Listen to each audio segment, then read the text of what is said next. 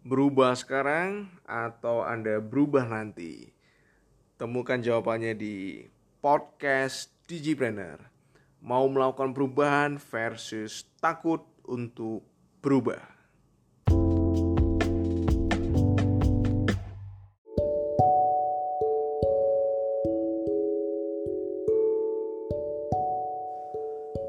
Ya, kita bertemu di podcast Digipreneur episode ke-57 Di episode yang sebelumnya kita sudah belajar tentang yang namanya perbedaan antara manusia yang suka belajar dengan manusia yang merasa tahu semuanya ya.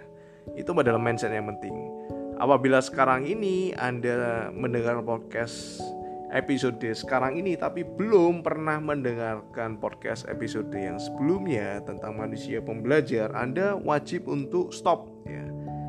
Anda wajib untuk berhenti sekarang. Dengarkan dulu episode sebelumnya baru Anda dengar maju ke episode sekarang. Karena ini penting ya. Karena ini penting. Jadi kalau di episode sebelumnya kita belajar tentang jenis manusia, ada dua macam jenis manusia dan kenapa kita harus belajar, kenapa harus menjadi manusia pembelajar, bagaimana manusia diciptakan untuk menjadi seorang manusia pembelajar. Di episode kali ini saya akan membahas lebih detail tentang yang namanya perubahan. Perubahan. Dan ini ada hubungannya dengan belajar.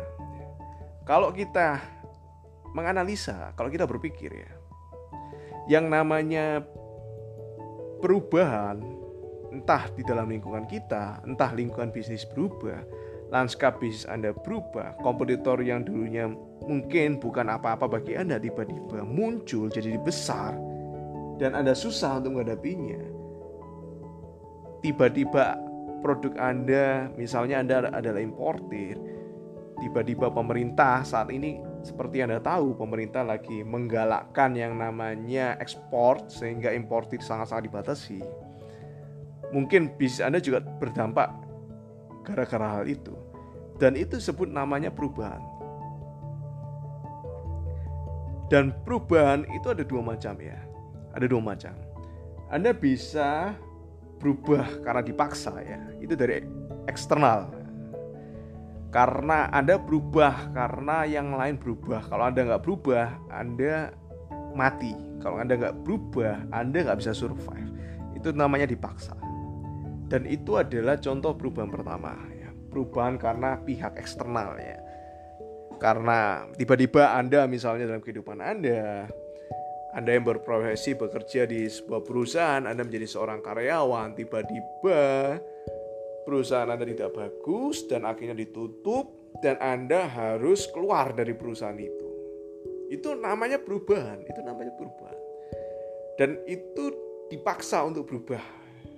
Dipaksa untuk berubah. Dan dipaksa untuk berubah tentu nggak enak ya. Tentu biaya kos Anda, biaya Anda, resiko Anda akan jauh-jauh lebih besar daripada Anda berubah dari dalamnya, dari internal Anda. Anda berubah karena Anda yakin bahwa perubahan itu wajib untuk dilakukan. Anda berubah karena Anda yakin bahwa apa yang Anda lakukan, perubahan apa yang Anda lakukan itu membimbing Anda ke jalan yang lebih baik, menuju kehidupan dengan standar kualitas yang lebih baik. Itu namanya perubahan dari internal Anda sendiri. Anda termotivasi berubah bukan karena orang lain, tapi karena Anda sendiri merasa dan percaya bahwa ini jalan jalannya untuk berubah. Dan ketika Anda melakukan perubahan di dalam diri Anda sendiri karena Anda merasa bahwa diri Anda harus berubah, itu resikonya akan sangat-sangat kecil. Karena Anda sudah berubah, Anda sudah mengupgrade diri Anda. Anda sudah mengupgrade bisnis Anda jauh sebelum orang lain melakukannya. Jauh sebelum Anda dipaksa untuk melakukannya. Tentu jauh resikonya jauh lebih rendah, kos Anda jauh lebih rendah Coba Anda bayangkan ya, Anda misalnya sekarang ini karyawan ya, dan Anda berpikir saya nggak akan bisa menjadi karyawan terus-menerus ya, apalagi perusahaan tempat saya bekerja itu juga bisnisnya mengandung resiko. Saya juga nggak akan mungkin menjadi seorang karyawan terus-menerus, saya harus jadi pengusaha, saya harus punya kaki kedua kaki saya ini harus independen. Saya harus berjuang, saya harus bisa hidup dengan kaki saya sendiri, bukan bergantung lagi pada perusahaan di mana saya bekerja. Akhirnya Anda memutuskan menjadi seorang pengusaha. Anda memutuskan menjadi seorang entrepreneur, terserah bisnisnya, bisnis online atau bisnisnya bisnis offline atau bisnis apa pun Anda.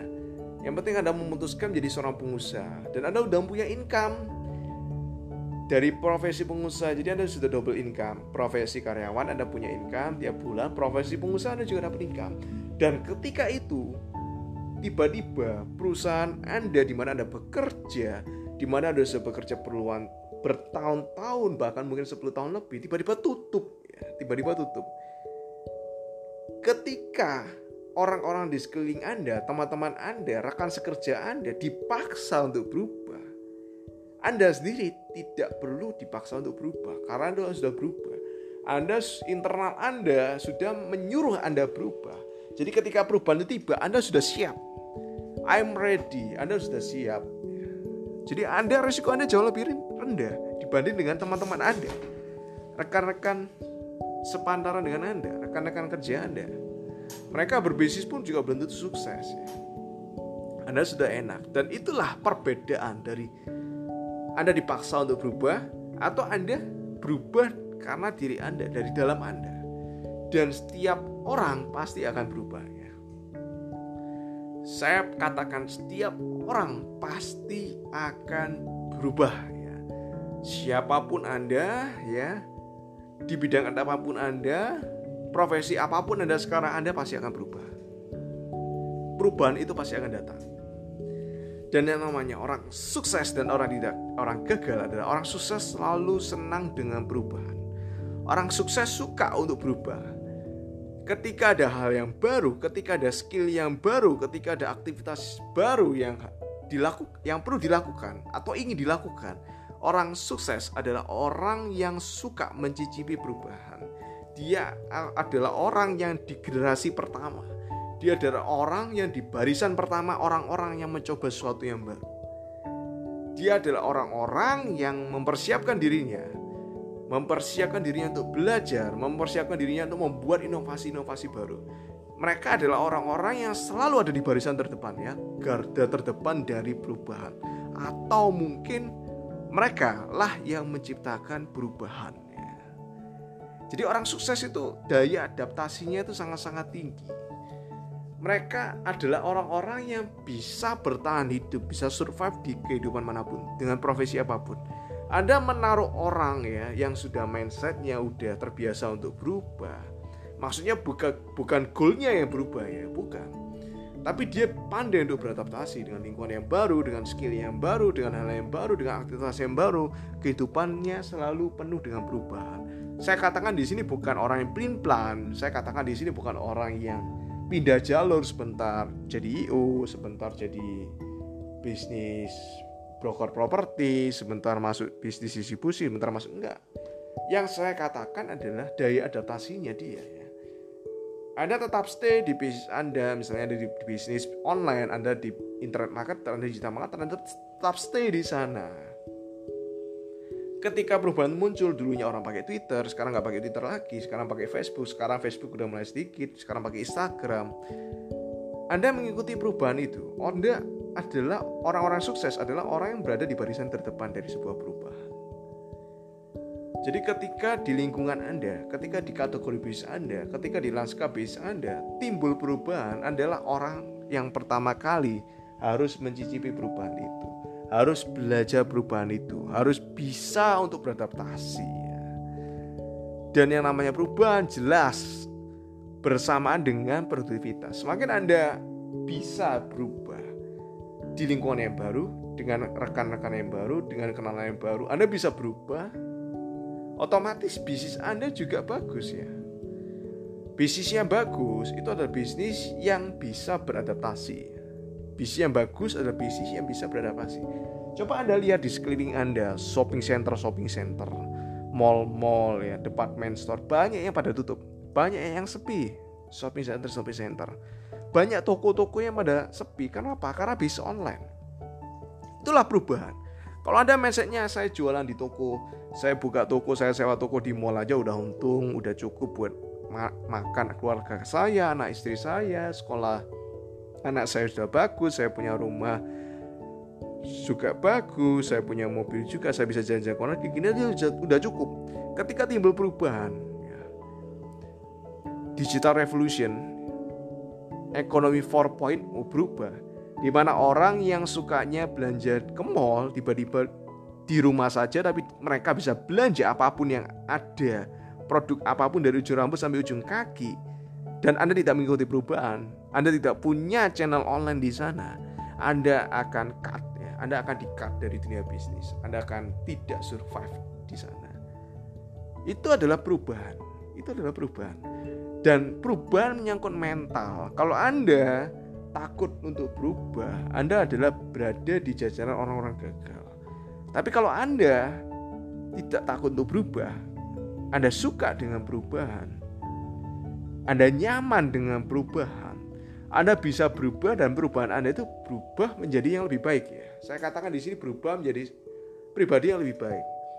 Bisnis yang berubah menjadi bisnis yang lebih baik ya.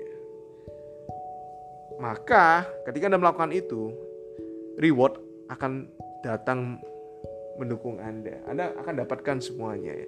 Di mana toko-toko di sekeliling Anda sepi, pada tutup semua, tapi Anda ramai sendiri. Anda nggak harus buka toko di mall. Anda ramai sendiri, Anda bisa jalankan di rumah. Offset Anda bisa berkali-kali lipat jauh lebih banyak. Kenapa? Karena hanya sedikit orang yang mau berubah. Itu rahasianya. Pemenang itu bisa menang. Kenapa? Karena lawannya sedikit. Kebanyakan orang tidak bisa berubah. Kebanyakan orang sukar untuk berubah. Tapi kalau Anda melakukannya, maka winner take all, Anda bisa dapatkan semuanya.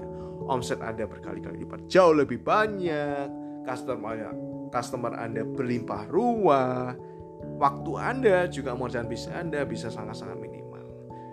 Sukses selalu buat Anda. Salam perubahan, salam Digipreneur.